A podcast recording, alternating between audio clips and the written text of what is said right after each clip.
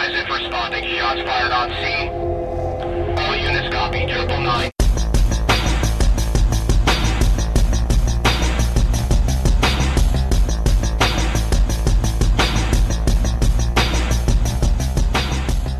Velkommen i kassen med David Bjerre, så har vi fat i action-thrilleren Triple Nine fra 2016. Only fired a warning shot. 12 gauge tactical round. Running. Yeah, we're dealing with the crash and bash. Four man team. Send me a. We're pulling surveillance now. Dive pack destroyed most of uh-huh. what they took in cash, but their focus was on a security deposit box. Yeah, Long in the head. it belonged to a wealthy Russian named Dmitry Pekov. Family claims they have no idea why he would keep a box here. That's Walter Sims, the bank manager, oh, right Look at behind. that port. Walter. Detective Allen, first time being robbed? No fun, right? They got pictures of my family, my daughters, where we live, my daughter's school. Walter, you're a bank manager. You should be smart enough to know that the monster has gone digital.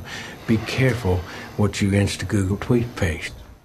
Hvad var det egentlig, der gik galt med Triple Nine?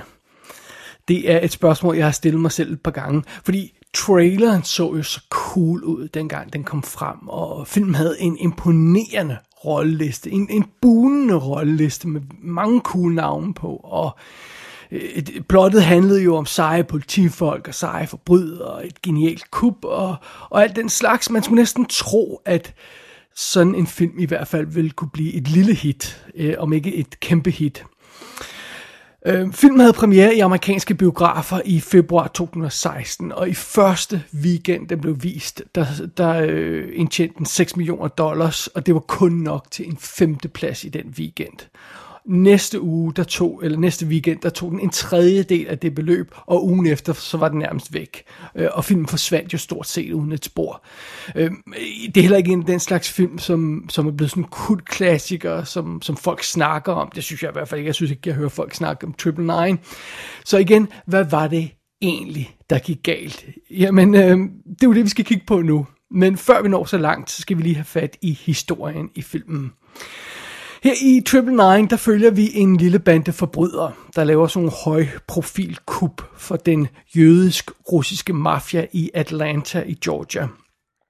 Og øh, teamet her af røvere er anført af Michael Atwood, og øh, så er der hans gode ven Russell, så er der dennes øh, vrag af en junkie lillebror, og så er der to andre fyre. Så det er et, et team på fem alt i alt. Samtidig så følger vi politiet i den her by. Øh, vi følger den garvede betjent Jeffrey Allen, som øh, efterforsker nogle af de her røverier, som, som øh, det her crew begår. Og så følger vi hans nevø Chris, der netop er blevet overflyttet til, til byen og, og skal være en del af en seje politiafdeling og skal, skal prøve at, at bevise, hvad han har, hvad der skal til og, og den slags. Øh, Øhm, vi møder også de to hårdkogte betjente, Marcus Belmont og øh, øh, Franco Rodriguez.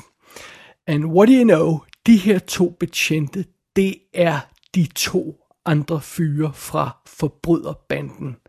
Så de er altså korrupte betjente, der er med til at lave de her kup, øh, som, som den her bande står for. Øh, og hovedfokus i den her film, det er simpelthen øh, et nyt kup, som, som den her bande skal lave. Øh, Mafia-bossen Irina Vaslov, hun vil have, at, at Michael og hans crew skal lave et, et specielt, et specielt farligt kup. Øh, de skal stjæle noget fra The Department of øh, Homeland Security, øh, deres bygning, fordi det er noget, hun skal bruge. Øh, øh, og den eneste måde, det, det her kup det kan lade sig gøre på, det er, hvis de, hvis de knækker nøden, hvis de gør det på en eller anden helt speciel måde, fordi ellers er det fuldstændig umuligt, umuligt at bryde ind i den her bygning. Øh, Men så er det jo, at, at konceptet, øh, det her øh, Triple Nine-koncept kommer på banen. Øh, hvis de dræber en betjent, de her røvere, så vil der gå et opkald ud til alle betjente i området. Det er en såkaldt triple nine kode, og det betyder, at alle tilgængelige folk fra ordensmagten vil ræse mod det her gerningssted for at, for at forsøge at fange den her copkiller, som, nu- som nu er i spil. Og hvis det sker, så vil den bygning, som, som røverne skal ind i, det vil være meget nemmere at komme ind i, fordi alle politifolkene vil være ræset væk fra den øh, for at finde den her copkiller.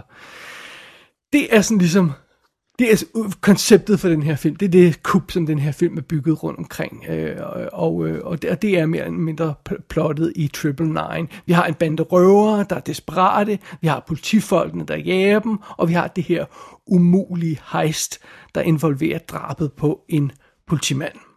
Så langt, så godt, når det gælder Triple Nine. Lad os lige tage et uh, kig bag kameraet på rollelisten. Filmen er instrueret af John Hillcoat. Ham kender man muligvis godt. Han har lavet hav af kortfilm og, og musikvideoer, men han har også lavet nogle spillefilm af, af relativt høj profil. Han har lavet The Proposition fra 2005 med Guy Pearce, som jeg husker som rimelig cool. Han har lavet The Road med øh, Viggo Mortensen fra 2009, som jo er deprimerende ud over alle grænser. Og øh, så har John Hillcoat også lavet Lawless fra 2012 med Shia LaBeouf. Så det, det er sådan set hans, hans store spillefilm. Øh, så, så det, Øh, rollelisten er som sagt ekstremt imponerende. Lad os lige tage de der fem røvere først. Vi har Chiwetel Ejiofor som Michael Atwood, der altså er lederen af banden, øh, og, og ham har vi jo haft i kassen øh, et par gange før. Han var med i The Old Guard, han var med i The Martian, og han var også nomineret for 12 Years a Slave, så, så det er jo altså meget fint. Som hans gode buddy Russell, der har vi Norman Reedus. Det er ham, de fleste nok kender fra The Walking Dead i øjeblikket. Som de to betjente der, så har vi Anthony Mackie som Marcus. Og øh, ja, han behøver nær, øh, næppe nogen introduktion. Han er jo Falcon i øh, Avengers-filmene og i Marvel-universet. Og vi husker ham tilbage fra Hurt Locker, og vi har haft ham i kassen før i forbindelse med Our Brand is Crisis men sådan er det. Som uh, Franco Rodriguez, der har vi Clifton Collins Jr., og ah, det er ham, jeg bedst husker fra The Replacement Killers, hvor han er helt vildt sjov i. Han dukker også op i sådan noget som Star Trek og en masse andre film. Uh, han, han, øh, han, han, uh, hans ansigt er relativt uh, karakteristisk, så ham har man nok set før. Og som Gabe, der altså den her junkie-bror til Russell, der har vi Aaron Paul fra Breaking Bad tv-serien. Så det er det. Det var de fem røvere. Så har vi politiet. Øh, det er Casey Affleck, der spiller Chris Allen, den nye betjent i området der, og ham har vi også haft i kassen før. Han var med i Interstellar. Vi husker ham alle sammen fra Gone, Baby Gone, hvor han var skidegod i. Manchester by the Sea vandt han Oscar for. Sådan er det. Og så har vi Woody Harrelson som Jeffrey Allen, der altså er hans onkel. Og Woody Harrelson behøver næppe nogen introduktion. Han, han er altid sjov at se på. Og så dukker Teresa Palmer op som Michelle, der er Chris' kone, kæreste. Og hende har vi jo også haft i kassen før i forbindelse med Lights Out og Take Me Home Tonight. På gangstersiden, på den russiske gangsterfamilies side, der har vi Kate Winslet som Irina Vaslov, og så har vi Gal Gadot som Elena, der er hendes lille søster og Michael, altså røveren Michaels ekskone eller ekskæreste, som han har et barn sammen med. Og Gal Gadot har vi jo også haft i kassen adskillige gange før, fordi hun var med i alle øh, Fast and Furious-filmene, og øh, hun var også med i Criminal med, med Kim Costner, som vi har snakket om, og så er hun jo Wonder Woman i, i DC-universet.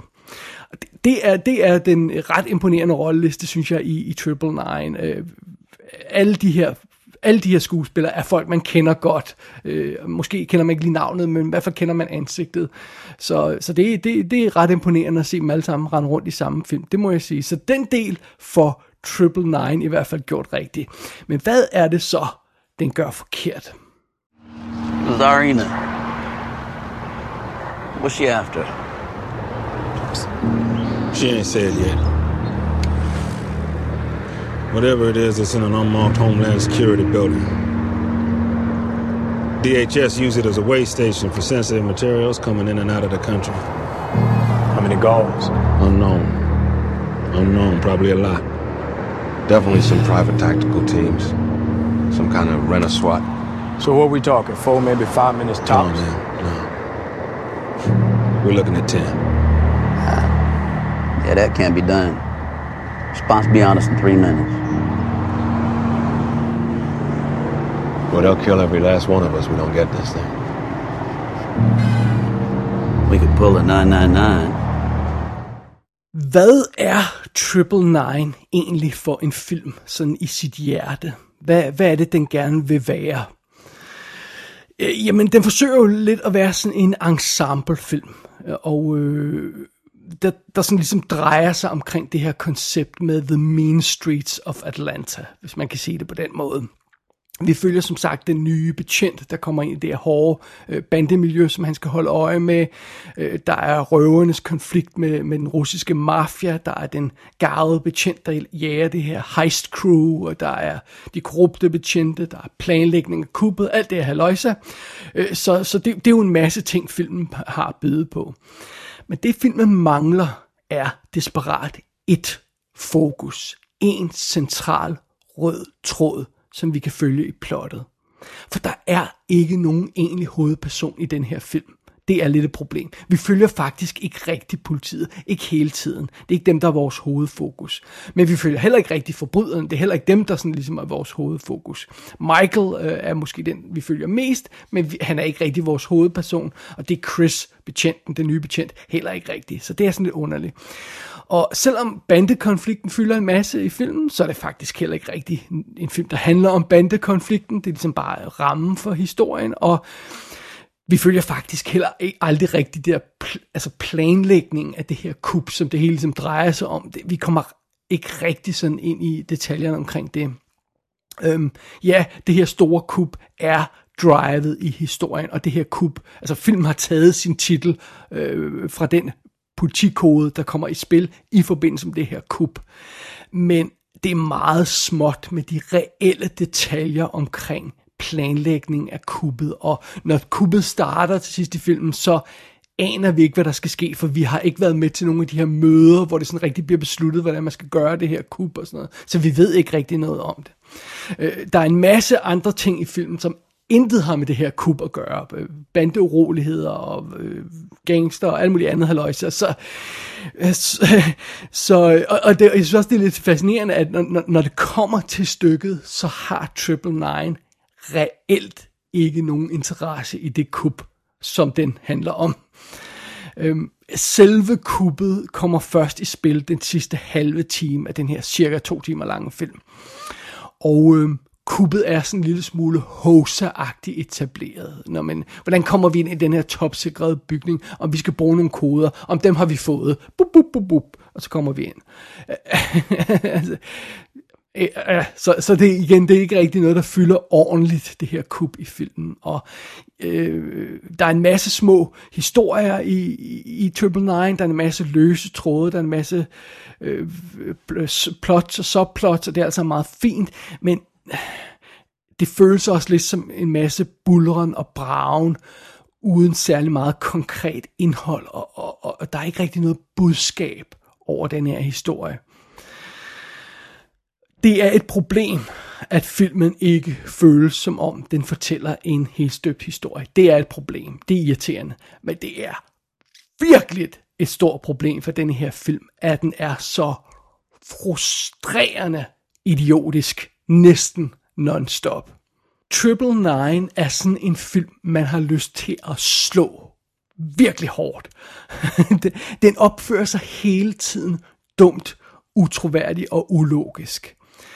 Og jeg ved godt, at i virkeligheden så gør folk en masse øh, dumme ting i, i virkelighedens verden. Det er altså meget fint. Det er okay, det, det, det ved vi godt. Øh, og, og så, så et eller andet sted, så er det også okay, at, at folk gør dumme ting i filmens verden.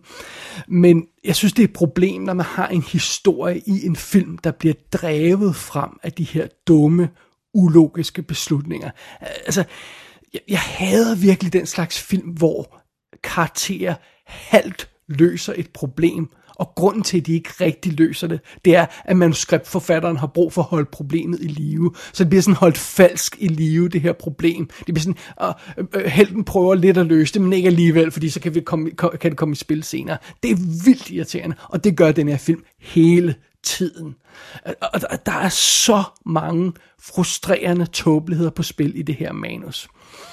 Øh, lad mig prøve at komme med et par eksempler. Det er sådan lidt øh, store eksempler, så bear with me.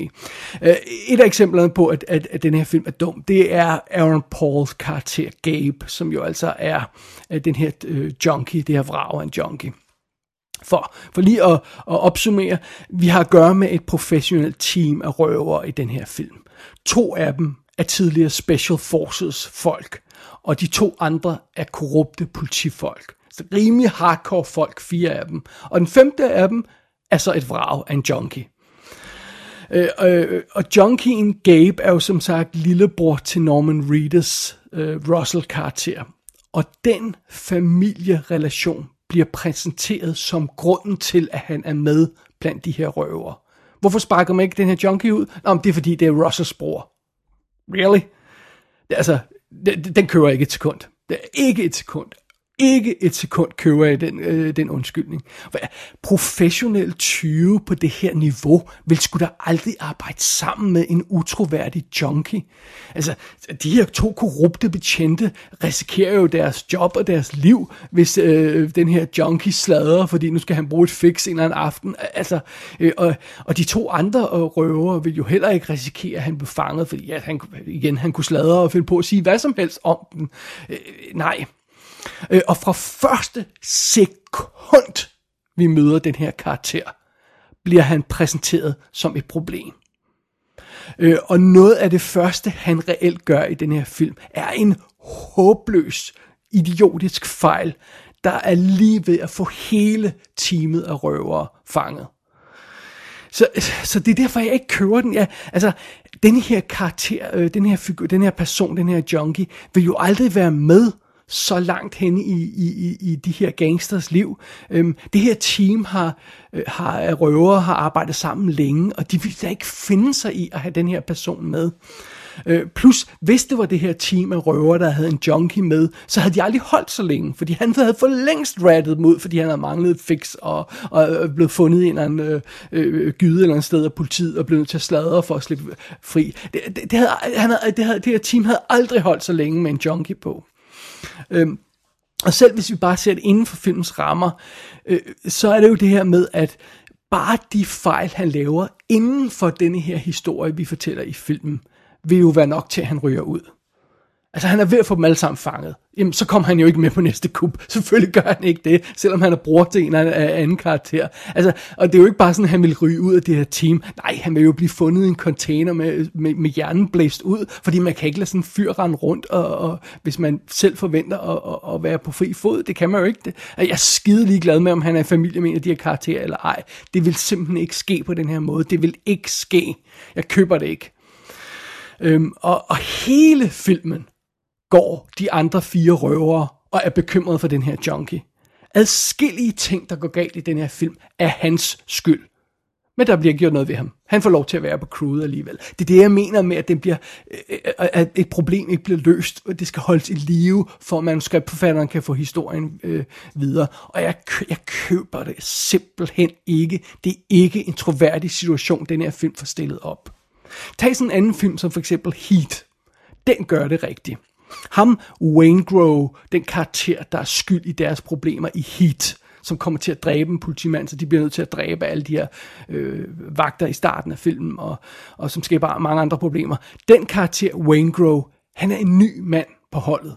De har ikke arbejdet sammen med ham før de, han er med på, på en afløsning simpelthen, jeg kan ikke huske hvorfor, hvorfor, men han er simpelthen afløser, og da De Niro's karakter, som jo leder det her team af røver i Heat, da, da, da, De Niro, da De Niro finder ud af, hvor problematisk den her fyr, Wayne Grove er, så gør han øjeblikkeligt noget ved det. Øjeblikkeligt. Altså han tøver ikke engang et sekund. Selvfølgelig gør han ikke det, for han er jo professionel tyv. Han kan jo ikke risikere, at der er sådan, lave, øh, der er sådan en fuldstændig idiotisk nar, der render rundt derude og ved noget om ham. Selvfølgelig kan han ikke det. Sådan opfører professionel tyve sig, i, i, altså, i, både på film og i, formodentlig også i virkeligheden går jeg ud fra. Men de opfører, man opfører sig ikke sådan, som de gør her i Triple Nine.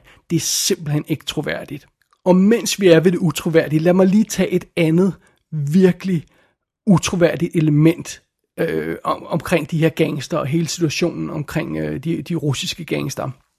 Michael, altså Joel Edgefors karakter, og hans crew, de arbejder jo for de her russiske gangster. Og gangsterbossen er hende her, Irina øh, Vaslov, som bliver spillet af Kate Winslet. Hun sidder på magten, eller på tronen, fordi hendes mand er i fængsel, og hun arbejder på at få ham fri, så han kan komme tilbage og styre sin gangsterbande. Fint nok. Øh, og Michael han har en søn med Irenas lille søster Elena, som bliver spillet af Gal Gadot. Og den her øh, søn bliver naturligvis brugt til at presse Michael undervejs. Øh, men det er ikke nok. Så hvad gør den her gangsterboss Irina, når hun vil have hun vil tvinge Michael til at lave det næste kup. Hvad gør gangsterbossen så? Nummer et, hun nægter at betale ham for det forrige kup. Og nummer to, hun dræber en vigtig person i hans liv. og hvad gør, hvad gør hun så, når han, han mega pist prøver at kontakte hende for at finde ud af, hvad fanden der, er, der foregår, så lader hun som om hun ikke er hjemme og tager ikke telefonen. Og når de så endelig mødes, og han råber af hende, hvad fanden i helvede laver du, hvorfor dræbte du den her person, så siger hun, ja, det var godt, vi fik snakket om det, nu er den sag ude af verden, lad os kigge på kuppet. What? altså, det er, jo, det er jo nonsens. Der er jo ingen, der opfører sig sådan. Selv ikke i en film. Eller, det er der også åbenbart. Men det er jo ikke troværdigt. Altså, hvis, hvis hun vil have ham til at udføre det her andet kup, som de skal lave, som er virkelig farligt, det her Triple Nine kup. Hvis hun vil have ham til at udføre det job, så skal hun jo ikke distrahere ham ved at gøre alle mulige ting, der gør ham frustreret og vred. Øhm, og det er jo ikke sådan, at hun for eksempel fanger en person, han holder af, og torturerer den her person, eller truer en person, han holder af. Nej, hun dræber en person, som Michael holder af. Det kan jo ikke tages tilbage. og, og det, det sjove ved det hele, hun siger det selv senere i filmen. There's no limit to what desperate men will do when pushed. Ja, yeah, no shit, Sherlock, og du har lige pushet en desperate man. Hvad tror du, der vil ske, hvis man presser sådan en fyr? Altså, det, det, det er jo idioti. Øhm, øh, brug dog i det mindste gullerodsmetoden. Øh, altså, sig dog til den her, øh, den her røver, prøv at høre, hvis du udfører det her virkelig, virkelig, virkelig farlige kup på den her virkelig øh, stramme deadline, hvis du gør det, så får du din søn igen, og du får 10 millioner dollars.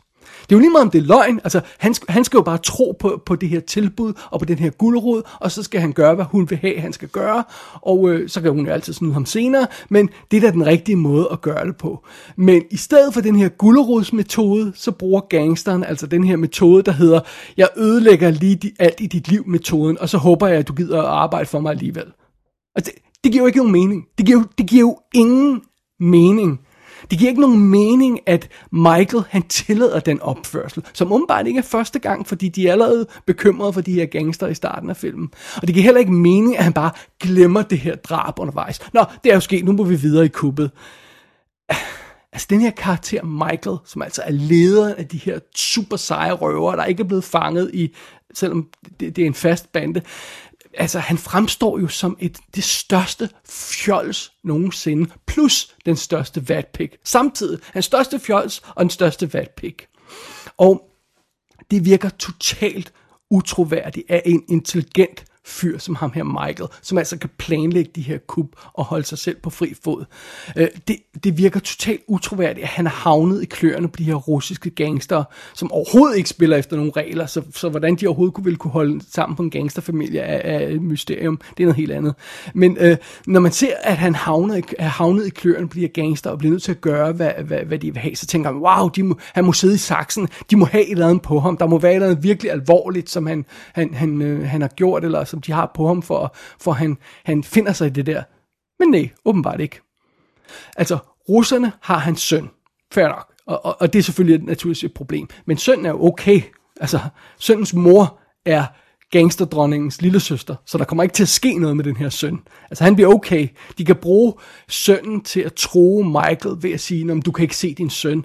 But that's about it. Altså de kommer ikke til at skade sønnen, de kommer ikke til at gøre noget om. Han er i sikkerhed. Der kommer, altså, så, så, så, så, så det værste, der kan ske, det er, at Michael han må stikke af og ikke kan se sin søn. Det er det værste, der kan ske, hvis han stikker af. Men derudover, så siger en af de andre røver til ham senere, oh, men we should have cut ties years ago til de her gangster. What? Så det, det var en mulighed, at I havde sluppet ud af kløerne på de her gangster tidligere. I gjorde det bare ikke. Jamen, så I skulle da I håbløse idioter. altså, så, så, så hele den her situation omkring den her, det her med, at Michael han sidder i saksen på de russiske, hos de russiske gangster, det, det, det igen endnu en ting, jeg bare ikke køber. Jeg køber den ikke. Jeg køber den simpelthen ikke. Og ja, jeg kunne fortsætte. Der er masser af irritationsmomenter i den her film i Triple Nine. Der er masser af idioti. Himmelråbende, stupidt idioti i den her film. Stort set hvert eneste karakter i den her film opfører sig dumt, irriterende og ulogisk. Øhm, Woody Harrelson har nogle momenter, der tyder på, at han er intelligent. Øh, intelligent. Han har set igennem nogle ting. Han laver noget godt politiarbejde. Casey Affleck er også cool og, og sådan noget, så, så det er altså meget fint. Men stort set alle andre er retarderede fjolser. Øhm, og jeg, jeg, jeg har givet de her to sto, øh, store eksempler, Junkien og forbindelsen til den russiske mafia. Men der er, den her film er nærmest en lang række af tåbeligheder. Der er noget helt grundlæggende, fundamentalt ufunktionelt ved den her film. Den, den opfører sig på en måde, der er det rene science fiction. Ingen personer vil opføre sig sådan, som folk gør i den her film. Ingen professionelle, succesfulde folk vil gøre sådan her. Fordi hvis de gjorde sådan her, ville de ikke være succesfulde eller professionelle. Ganske enkelt. Øh, den her film føles nogle gange, som om den er skrevet af rumvæsener fra en anden galakse, og så lige kørt igennem Google Translate øh, otte gange, eller sådan noget den stil. Øh, så fjernt er den fra naturlig, logisk, menneskelig opførsel. Det er vanvittigt frustrerende at se på. Øh, og det værste af det hele er, at den her film er ikke talentløs. Tvært imod. Næsten alle spillerne er gode, altså skuespillerne, ikke nødvendigvis deres karakterer, men skuespillerne er gode. Øh, Kate Winslet er fejlkastet som, som gangsterdronningen der, og, og, har, og, og synes ikke at, at få greb om karakteren. Det er en ting. Og jeg forstår heller ikke, hvorfor Woody Harrelson han har falske tænder og taler som Jeff Bridges i nogle scener. Øh, men ellers, bortset fra det, virkelig cool skuespillere, der gør det virkelig godt. Og filmen ser rå og virkelig flot ud. Der er intense skyderier i, i bandemiljøet. Der er en mega fed øh, politijagt til fods igennem sådan et en ghettoområde. Der er politijagter gennem gaderne i politibiler. Og, og kuppet i starten for eksempel er også mega cool. Øh, på et tidspunkt, de her gangster, eller de her røver, når de skal indtage den her bank i starten, så går de bare op til bankmanageren, øh, og så tager de en kuvert frem, og så hiver de print ud fra Facebook om, øh, hans hus, her hans familie, og de siger ikke noget. De viser ham bare de her udprint, og så gør han, hvad de vil have. Det er mega cool. Altså, det er virkelig, virkelig sejt og veltimet, og man forstår, hvorfor den her crew er, er, er så succesfuld, og det er altså meget cool. Men øh, det er sjovt nok, alle de her seje ting i filmen, alle de her cool ting i filmen, de hjælper faktisk ikke. Fordi det gør bare filmen endnu mere frustrerende, fordi den, det hele tiden minder en om, hvad potentialet er, hvad det spildte potentiale er i den her historie. Fordi den bare bliver ved med at være så tordne, åndssvag og hjernedød og frustrerende og ånd... Og, åh! Åh! Øh, ja, jeg, jeg må indrømme, Triple Nine er en modbydelig skuffelse. Altså, det, det er en af den slags film, jeg næsten ikke kan holde ud at se, fordi jeg, jeg, bliver, jeg bliver så fucking irriterende på den, irriteret på den. Øh, jeg så den oprindeligt, da den kom frem i 16, og det var egentlig min mening at anmelde den dengang. Jeg var simpelthen så fucking pissed på den film, at jeg ikke kunne anmelde den. Så nu har den lavet ligge nogle år, og så har jeg taget den frem igen. Øh, jeg, jeg ved ikke, hvad der er gået galt i, i den her film, det må jeg indrømme. Det, øh, øh, nogle gange så har man sådan fornemmelsen af, at der måske er blevet klippet drastisk ned i plottet. Der er nogle ting, der virker sådan som om, øh, de sker lidt for hurtigt og lidt for underligt og, og, og, og sådan noget. Men det, altså det forklarer kun en del af filmens problemer. Øhm, og jeg synes også, det er påfaldende det her med, at det er en heistfilm, som egentlig ikke rigtig gider at handle om et heist. Det, øhm, det, det, det, det, det, det, det, som om der er, sket, altså, der er en ubalance i, i plottet og, og, og hvad filmen sådan overordnet handler om. Og når alt kommer til alt, så ved jeg faktisk heller ikke, hvad filmens overordnede mening er. Øhm, jeg synes ikke, den har noget øh, forkromet budskab. Jeg synes ikke rigtig, den vil noget større. Og faktisk ender hele den her historie med mere eller mindre at løbe ud i sandet. Øhm, filmen slutter bare sådan lidt mere... Eh, trække lidt på skulderen, og så, så slutter den. Og det, det er virkelig mærkeligt. Det må jeg indrømme, det er virkelig mærkeligt. Men nu har vi det mindste svaret på, hvorfor den ikke blev et hit. Øh, Triple øh, Nine blev ikke et hit, fordi den er en spand lort. Uh, øh, den er flot, og, og nogle gange er den cool, øh, men det er stadigvæk en spand lort. Øh, øh, der er ikke så meget at sige til det. Og, øh, og hvis man er afhængig af word of mouth, der spreder sig for at snakke godt om en film. Jeg ved ikke, hvorfor folk ikke gik ind og så den i første omgang. Men i det øjeblik, folk er gået ind og set den, så er de i hvert fald ikke gået ud bagefter og sagt, at det var en god film. For det er det ikke. Det er en spand lort. Og sidst, til allersidst her, lad os heller ikke glemme det mest ufrivilligt komiske ved den her film. Den præsenterer den her idé, Triple Nine D, vi slår en betjent ihjel for at rydde gaden, og så kan vi komme til at lave vores kup. Ja, øh, velkommen til kampen, venner. Den idé har altså været brugt før. Jeg mindes Michael Bay's Bad Boys fra 1995. det er jo sådan, røverne stjæler fra politiets lager i starten af Bad Boys. De kalder det ikke en triple nine i filmen, men de slår en betjent ihjel for at trække politiet væk, så de kan komme til at lave deres heist. Det er det, de gør i starten af Bad Boys. Eller det vil sige, de gør faktisk noget endnu mere genialt i starten af Bad Boys. De slår en af deres forbrydervenner ihjel i politiuniform. Altså, så der ligger den her skudte betjent på gaden, og alle politifolkene ræser hen til. Det har samme effekt, men det betyder, at når politiet finder ud af, at det ikke er en af deres kollegaer, så vil forbryderen ikke blive jaget som cop-killers, for de har ikke slået en cop ihjel. Super fedt, super genialt. Øh, men det, det, så det har været gjort før det her. Det her plot har været fortalt før i Bad Boys. Prøv at høre, jeg elsker Bad Boys. Meget kan man sige om den, men det er sgu en rimelig uintelligent film, alt andet lige. Alligevel, ved siden af Triple Nine, så ligner Bad Boys nærmest en Mensa-produktion. Så tordne, tordne stupid er den her film, Triple Nine. Triple Nine er ude på DVD og Blu-ray i det meste af verden. Der er en lille håndfuld deleted scenes og mini-mini featuretter på skiverne. Gå ind på ikassenshow.dk for at se billeder fra filmen. Der kan du også abonnere på dette show og sende en besked til undertegnet. Du har lyttet til I Kassen med David Bjerg.